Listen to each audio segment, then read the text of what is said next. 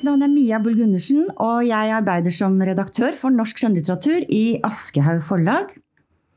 Denne høsten har vi begynt en ny podkastserie som heter Hvorfor skriver du? Hvor vi spør våre skjønnlitterære forfattere om nettopp det spørsmålet Hvorfor skriver du? Og det er særlig høstens forfattere vi, har, vi lager samtaler med. Og i dag skal jeg snakke med Maja Lunde. Hun er aktuell med tredje bind i sin klimakvartett. Eh, hun ga jo ut eh, Bienes historie i 2015, så kom Blå i 2017. Og nå er det altså Persevalskis hest som eh, er aktuell. Og det skal vi snakke litt mer om etterpå, Maja. Du har jo også skrevet mange bøker. I fjor var du aktuell med Snøsøsteren også, som det gikk meget bra med. Og du har skrevet mye for barn og ungdom, Verdens kuleste gjeng og mye mer. Du har gjort så mye. Det, jeg vet ikke om du vil kommentere det. For jeg, jeg, har virkelig lest meg litt opp på deg nå og sett hva du har gjort før du kom med Bines historie også. Mm. Nei, jeg har jo også skrevet mye manus til ja. film og TV, og det gjør jeg for så vidt fremdeles. Og syns at det er veldig gøy. Eh, akkurat nå om dagen så har jeg faktisk som et sånn lite pauseprosjekt å sitte og jobbe med en TV-serie eh, som jeg vet at noen er interessert i, men som jeg ikke har solgt fordi jeg har sagt at jeg må bare kjenne litt på dette selv, om jeg har lyst til det. Og så syns jeg jo det er veldig gøy, fordi jeg syns at TV-mediet også er veldig, veldig spennende, da. Ja. Eh, og for meg så er vel altså Skrivingen er noe jeg har med meg hele tiden. Ja. Eh, og, og, det å bruke hodet på den måten som jeg gjør når jeg skriver, er vel på sett og vis noe jeg alltid har drevet med. Ja, Siden du var liten? Helt siden jeg var liten. Ja. Mm. Leste du tidlig? Jeg leste tidlig, eh, selv om jeg husker at da jeg begynte i første klasse, da var jo jeg sju, for det var vi jo i gamle dager, ja. Eh, da kunne jeg ikke fatte og begripe hvordan jeg skulle klare å lære å lese. Oh. Fordi jeg syntes det virket helt fullstendig umulig å klare å sette sammen de der rare bokstavtegningene til ord. Ja. Eh, men så knakk jeg jo koden da på ja. kun kort tid ja. og ble en skikkelig lesehest. Og så er jeg heldig. Jeg kommer fra et hjem med mange bøker. Mm. Og hadde eh, foreldre som var veldig flinke til å lese for meg. og introduserte meg for mye forskjellig. Ja. Eh, så det gjorde at jeg ble veldig, veldig glad i bøker tidlig. Ja. Mm. Ja, ikke bare de gamle klassikerne. Nei, da var selvfølgelig Bokklubbens barn medlem. så ja. Der kom det jo ny gave i posten hver måned, og det var jo kjempegøy. Ja, Bokklubbens og og ungdoms, uh, Bokklubbens ungdom, het det Nei, hva het Ungdomsbokklubben, tror jeg. Ja, het, het. Ja, da, jeg fulgte dem helt opp. Hadde mange sterke leseopplevelser gjennom den, husker jeg. Ja. Så det var mye, mye fint, altså. Men, eh, men så var det En ting jeg også tenkte på, er at jeg var jo også et lekende barn. Mm. Jeg hadde utrolig mye fantasi, og jeg bygde opp store universer inni hodet mitt. Og jeg kunne sitte i timevis, eh, både alene og med venninner, mm. og bare leke og være langt inni disse verdenene. Mm. Og eh, det tenker jeg jo er mye av det samme, faktisk. Ja. Um, og jeg tror vi er litt sånn redde for det ordet fantasi. da, Forbinder det med noe litt barnslig, men egentlig er det jo en helt fantastisk egenskap. Og det er jo faktisk de samme tingene som skjer oppi hodet når man sitter og skriver skjønnlitteratur og, og lager fortellinger. Så bruker en, man jo de samme delene ja, av hjernen. Og hadde en skjønnlitterær forfatter, og for den del også sikkert en sakprosaforfatter og en manusforfatter til film, vært uten fantasi. Ingenting. Fantasi er vel rett og slett bare det å en skaperkraft? Ja, det er og det å, å klare å, å, sette seg inn i andres ståsted. Da, mm. Og være et annet sted enn ja. der man er. Det gjør jo du ganske mye, faktisk. Du gjør jo det En ting er at du i de, i de klimabøkene, for å kalle det, jeg skal ikke kalle det, for jeg syns ikke det er noe godt ord, både i Bienes historie og i Blå, og i denne siste også, så gjør du jo nettopp det. Du setter deg inn i andre menneskers historie, du går inn i andre menneskers sinn, skifter synsvinkel, og du skifter tid, og du skifter ikke minst både rom og tid. Mm. Det er en teknikk som du har utviklet, og som du også bruker i denne siste. Ja, eh, jeg skriver jo i, i disse eh, bøkene, eh, som jeg er enig med deg er litt sånn halvproblematisk å kalle det for en klimakvartett. For ja. det kunne like gjerne hett Økokvartett eller ja. Foreldre-barn-kvartetten eller ja. ja. det er mange Det er nå engang bare en merkelapp. Ja, ja. Men, men, der har jeg jo konsekvent brukt jeg-stemmer, jeg altså jeg-fortellinger. Mm. Og for meg så har det vært en måte å komme så langt inn i disse menneskene som jeg skriver om, som mulig. Og jeg syns mm. at det har vært enklere når jeg har valgt jeg-forteller. Ja. Eh, også fordi at da jobber jeg enda tydeligere med språket deres, og med deres stemme, mm. som det heter. Eh, og prøver å bruke språket så aktivt jeg kan for å for å både bli kjent med deres personlighet, for min mm. egen del, men selvfølgelig også for at deres personlighet skal komme frem ja. i teksten. Ja. Mm. Og man er jo litt låst når man bruker jeg-fortellinger? Ja, man er litt låst, men samtidig så syns jeg jo det gir utrolig mange fine muligheter, da. Ja. Og, og, i forhold til f.eks. For det å skrive film- og TV-manus, hvor du kun skriver tredjeperson prestens, og kun skriver hva tilskueren skal se og høre. Ja så er jo det å få lov å være på innsiden av et menneske ja. helt fantastisk. Og da tenker jeg ikke bare på innsiden av um, det emosjonelle, men også det fysiske. Eh, for det er noe jeg tenker mye på når jeg skriver. Jeg forsøker å være i de situasjonene. Mm. Uh, jeg forsøker å fryse når ja. hovedpersonen fryser. Jeg ønsker ja. å være så tett så til stede, da. Ja. At, at, jeg kjenner det samme som ja. han eller hun gjør. Når en person reiser seg og går bort til et vindu og åpner det, f.eks., og luften kommer inn da skal I St. Petersburg i 1881 f.eks., mm. sånn som i siste, ja. så skal du helst kjenne det. Eller de fryser jo noe vanvittig. Det er noen tøffe vintre i denne boken. Eh, hos to av eh, hovedpersonene så, så de, opplever de mongolsk vinter på steppene, og det er kalde greier. Så da Jeg var kald når jeg skrev. Det gjør eh, er det Mikael han heter? I St. Petersburg? Mikael. Mikael. Ja. Han gjør det. Og Karin, som drar til Mongolia i 1992, hun fryser også. Mm. Men jeg skal bare si litt kort, for denne Persevalskes hest den handler rett og slett om de siste villhestsortene som ja. ble hentet ut fra vill tilstand, for å si det på den måten, på 1800-tallet og brakt til europeiske dyrehager. Mm. Og så døde de vel mer eller mindre ut i vill tilstand. Mm. Og så er jo nå da poenget at Karin i 1992 skal prøve å frakte tilbake Bersjevalskis hester og tilbake til sitt originale miljø i Mongolia. Mm. Og gjenreise arten. Ja. Og denne historien om persjevalskihestene er faktisk sann. Ja. Jeg så disse hestene for første gang i 2015. Da var jeg i et naturreservat i Frankrike, i fjellene. Og, og der fikk jeg høre hestenes historie, og da ble jeg ekstremt fascinert. Dette var før bienes historie kom ut. Oh, ja. Men jeg visste med det samme at jeg hadde lyst til å skrive om det, men jeg husker jeg liksom dunket albuen inn i for vi fikk sånn, et foredrag, så dunket jeg albuen min inn i siden på mannen min og hvisket sånn Dette er jo en bok! men da var du midt i biene, kanskje? Da var jeg jo, og det var jo før den kom ut, og det eventyret som det ble. Eh, og, og nokså livsendrende har det jo vært også. Mm. Men jeg har hatt den fortellingen hele tiden, og allerede den høsten så forsøkte jeg å skrive litt om hester uten at det ble noe av. Um, og så var det etter hvert, når jeg forsto at, at, jeg hadde materiale til flere enn én roman, at 'Bienes mm. historie' ikke var en enkeltstående bok, mm. fordi at jeg hadde fått så mange andre ideer også da jeg satt og skrev den, som jeg skjønte var egentlig i det samme romanuniverset. Ja. Da, da forsto jeg også etter hvert at å, jeg må jo skrive denne hestefortellingen ja. inn her. Men blå kom jo imellom, da. Blå kom imellom, og det var fordi at de fortellingene var nok de levde nok enda sterkere hos meg. Ja. Um, så det kjentes riktig å starte med de. Ja. Det gjorde jeg. Men, eh, men, da har jeg hatt lang tid til å tenke på disse ja. hestene.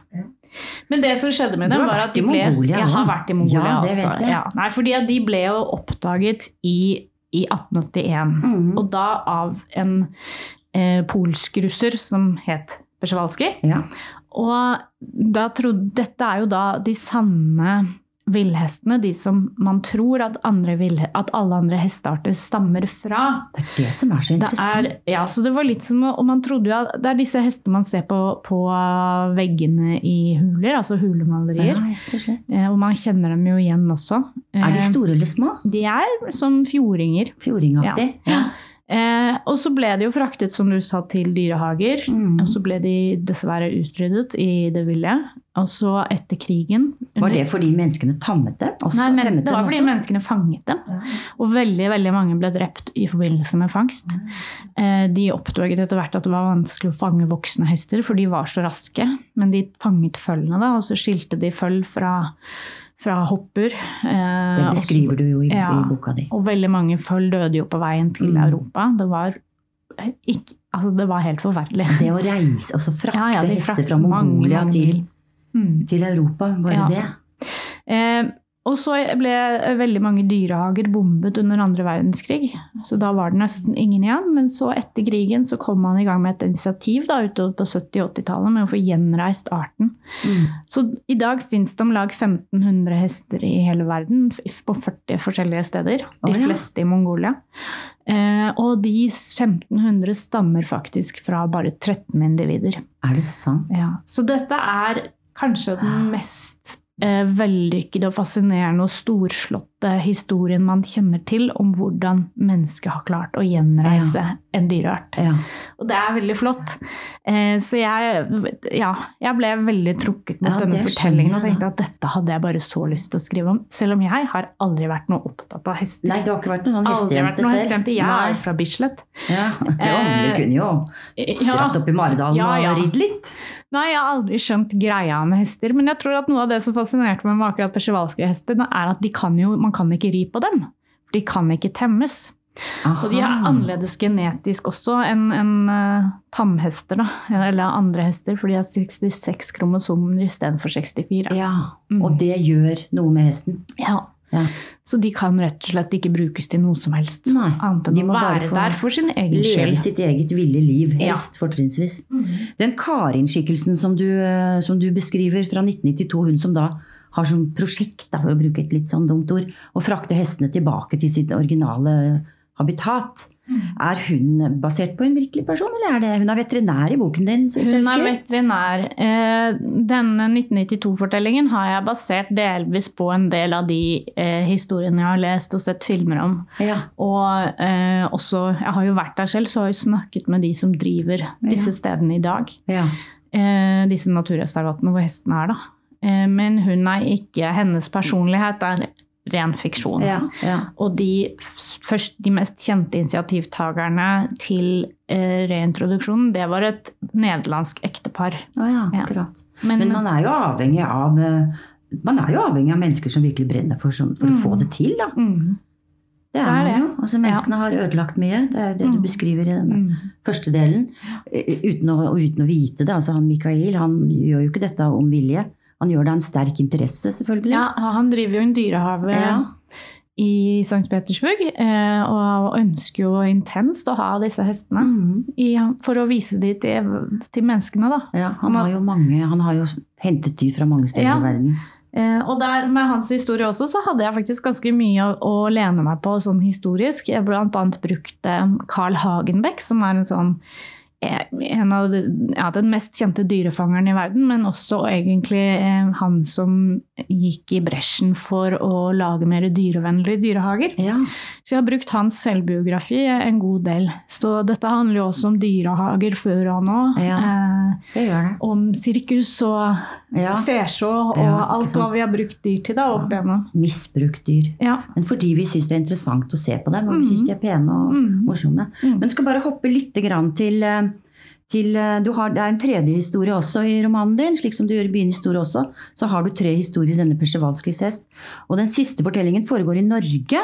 Faktisk på Østlandet et eller annet sted. Kanskje til og med utenfor Oslo et eller annet sted. Akershus har jeg vel Akershus, faktisk sagt. skriver du om ja. mm. I 2064. Mm. Og da er vi i et land, i en verdensdel, altså Europa, som er nokså på randen av å bli ødelagt. Ja. Og der treffer vi en uh, dame som heter Eva. Og hun driver jo Har ikke hun også uh, noen persevalske hester i sin hva er det du kaller det, naturpark? Ja, hun driver uh, Hun bor i et nedlagt dyrereservat. Ja. Eh, som er drevet mer sånn som vi kjenner en del moderne reservater i dag. Da, med, hvor man tar mer hensyn til dyrene. Og mm. mange av disse uh, reservatene og parkene i dag gjør jo veldig viktig arbeid i forhold til, til å ta vare på arter. Ja. Um, og avlsarbeid og den type ting. Så hun, har, hun, kommer fra en sånn park som har vært familiedrevet gjennom mm. tre generasjoner. Eh, og nå bor hun der alene med datteren sin. De har noen ganske få dyr igjen, noen gårdsdyr. Og så har de også noen få andre, deriblant en hoppe og et mm. føll mm. eh, som er persjevalske hester. Mm. Eh, og Eva frykter jo delvis for sin egen fremtid, mm. men klamrer seg til dette stedet, selv om veldig mange rundt henne har dratt, fordi mm. det holder på å bli helt ulevelig der. Eh, det har vært en naturkollaps. Mm. Det har vært store klimaendringer. Og verden Altså, det moderne samfunnet har på sett og vis kollapset, da. På veiene går det flyktninger som er på vei mm. et eller annet man, nordover? Ja. Veldig, veldig mange klimaflyktninger, og mm. grensene er brutt. Ja. Eh, og ja, Norge slik vi kjenner det, er borte. Er borte, Og mm. vennene og menneskene rundt mm. den moren og datteren er borte. Og det hele virker nokså dystopisk. Og Isa, datteren, hun sier jo til moren at vi må dra, vi også. Vi må dra, vi også. Men det er klart at Eva hun holder igjen, kanskje også ja. pga. de dyrene som hun føler et visst ansvar for, selvfølgelig. Ja, og, og selvfølgelig også familie er hjemmet hennes. da. Det er familiegården, ja. det er historie, mm. det er mm. røtter. Eh, sånn at det er eh, ja, hun virkelig stritter imot. Da. Og så kommer det en kvinne inn i denne fortellingen. Ja. En fransk kvinne. Det gjør det. Eh, som Ja, jeg vet ikke om jeg skal si så veldig mye mer. Vi skal ikke røpe Nei, vi skal ikke røpe Det er noe litt spesielt rundt den ja. karakteren som kommer inn. Den som har lest andre bøker av Maja Lunde. Da røpte jeg lite grann likevel. Men du, eh, bare, eh, vi skal snakke noen få minutter til. Og jeg har bare lyst til å snakke litt mer om det med skrivearbeidet ditt, og hvordan du jobber. Og jeg syns det er morsomt å høre, for jeg jobber jo med en del forfattere selv. Og, og, vi snakker mye om prosessen rundt skriving, og hvordan de gjør det, og hvordan de får ideer, og hvordan de begynner, og hvordan de slutter. og, og ja, i det hele tatt, så det er lyst til Når du konstruerer eller bruker fantasien, som du nevnte så fint ord i sted, på å lage en roman, har du hele historien foran deg før du begynner? Nei, jeg har ofte ganske lite. Um, men jeg synes, ja, Med Persjevalskijs hest så hadde jeg jo dette. Ja, ikke sant? Den sanne mm. historien. Og, så der hadde jeg jo mye. Mm. Uh, med Bienes historie så hadde jeg veldig fra, fra, første dag, fordi jeg så en dokumentarfilm om eh, bikolonikollaps, ja. eller kubekollaps, og bienes betydning for oss. Eh, og der i den fortellingen så var det Traff man kinesiske mennesker som levde altså håndpollinerte fordi biene var borte. Sånn som du beskriver som jeg i beskriver i boken. Ja. Og man traff birøktere som hadde mistet eh, biene sine. Mm. Og man traff i USA, og man traff Eller man ble også kjent med historien til de første menneskene som faktisk utviklet bikuber. bikuber. Så der også hadde jeg veldig tidlig Visste jeg så godt hvilke mennesker jeg skulle starte med. Du så tidene jeg også, kanskje? Jeg så tidene veldig. Ja. Eh, mens med blå var det litt annerledes, for da startet det faktisk med to forskjellige bilder. Og jeg skjønte ikke at det var den samme boken engang i begynnelsen. Og det ene var at jeg rett og slett hadde et bilde av en kvinne ved en elv som var en eldre kvinne, og jeg visste at hun var knyttet til den elven, og så var hun veldig sinna. Ja. Og det var egentlig alt jeg visste om henne i begynnelsen. Og så, og så ville jeg så gjerne liksom inn i det, dette mennesket på en eller annen måte. Ja. Um, og så hadde jeg et bilde til, og det var av en ung mann som går alene i et tørkerammet Sør-Europa i nær fremtid, og så finner han en båt ja, på land. og det var egentlig alt jeg hadde. Men jeg, begge de to var sånn som bare ble der. da. Eh, og så gravde jeg mer i dem, og så skjønte jeg at her handler det om vann. Eh, og så skjønte jeg jo at de hang sammen. Mm. Ja, Så det, fortellinger starter jo utrolig ulikt, altså. Ja. Det gjør det. Ja. Men nå, denne der i blå har du to steder. To tider, og nå er du tilbake til tre. Ja, bortsett fra at blå også er halv, altså, en tredjedel av blå er egentlig tilbakeblikk. Ja, det er sant. Så den, ja. der, der, også beveger jeg meg for så vidt i fortid og ja, nåtid og fremtid. Mm. Mm. Så Maja Lunde, du vet egentlig veldig lite du da, bortsett fra at du har noen bilder i hodet, du har kanskje sett noen bilder og fått en idé. Du vet egentlig ganske lite når du sitter og skriver disse ganske komplekse romanfortellingene dine? Eh, ja, både ja og nei. Eh, jeg vet det, det, varierer jo. Altså, det er jo veldig mange forskjellige måter å skrive på. Jeg føler at jeg bruker utrolig mange ulike strategier ja. i skrivearbeidet. Og ja. noen bøker jobber jeg tettere på eh, synopsis, f.eks. Sånn som med 'Snøsøsteren', som jeg visste skulle være 24 kapitler. Ja. Der jobbet jeg veldig detaljert med historien før jeg faktisk skrev ut kapitlene. Så det kommer helt an på hva slags type tekst det er. Mm. Eh, det er veldig mange veier inn, da. Eh, og så er det også sånn at ideer det får jeg jo spørsmål om av og til. Det med når får du ideer? Og jeg får jo mange, en, en, del ideer mens jeg gjør andre ting. Ja. Jeg kan komme på noe mens jeg sykler eller går eller, mm. eller, er sammen med familien som jeg har mm. lyst til å bruke i bøkene, eller som kanskje løser opp i en floke. Men det aller meste av skrivearbeidet og skrivemagien, det skjer jo når jeg sitter foran PC-en. Ja det er jo det som er vinduet inn til fortellingen, ja. tross alt. Og da sitter du alene i et uh, mørkt rom, holdt jeg på å si? Nei, jeg Kanskje kan skrive mørkt, men... hvor som helst, jeg. Ja, jeg kan skrive i uh, Du er den typen forfatter? Jeg er den typen forfatter. Jeg kan skrive hvor som helst. Og det er noen som fleiper med, vet jeg, at Maja skriver bøkene sine i drosjer. Ja, så. Veldig praktisk, da. Men uh, jeg tar ikke så mye drosje heller, egentlig. Jeg vet ikke hvor det kommer fra. Men jeg skriver uh, gjerne sånne små lommer. Kan jeg godt bruke og synes det er veldig fint. For da, for da holder jeg historien også oppe oppe hele tiden for klarer meg selv. Du, altså, og klarer du å kvitte deg med den noen gang, da? Nei, det surrer jo og går, da. Ja. Men det er jo gjerne flere ting parallelt. Og det er jo et eneste sammensurium i min hjerne som i de fleste andre, antar jeg. Ja, men så skal du lage middag, og så skal ja, ja. du Nei da. Ja. Kan kanskje være litt fjern av og til. Ja, det syns jeg du har, eh, har, rett til. Du holder på med så mange ting på en gang. Men du, tusen takk, eh, Maja Lunde. Nå tror jeg vi skal avslutte. Og så må jeg si uh, lykke til med Persevalskys hest. Tusen takk.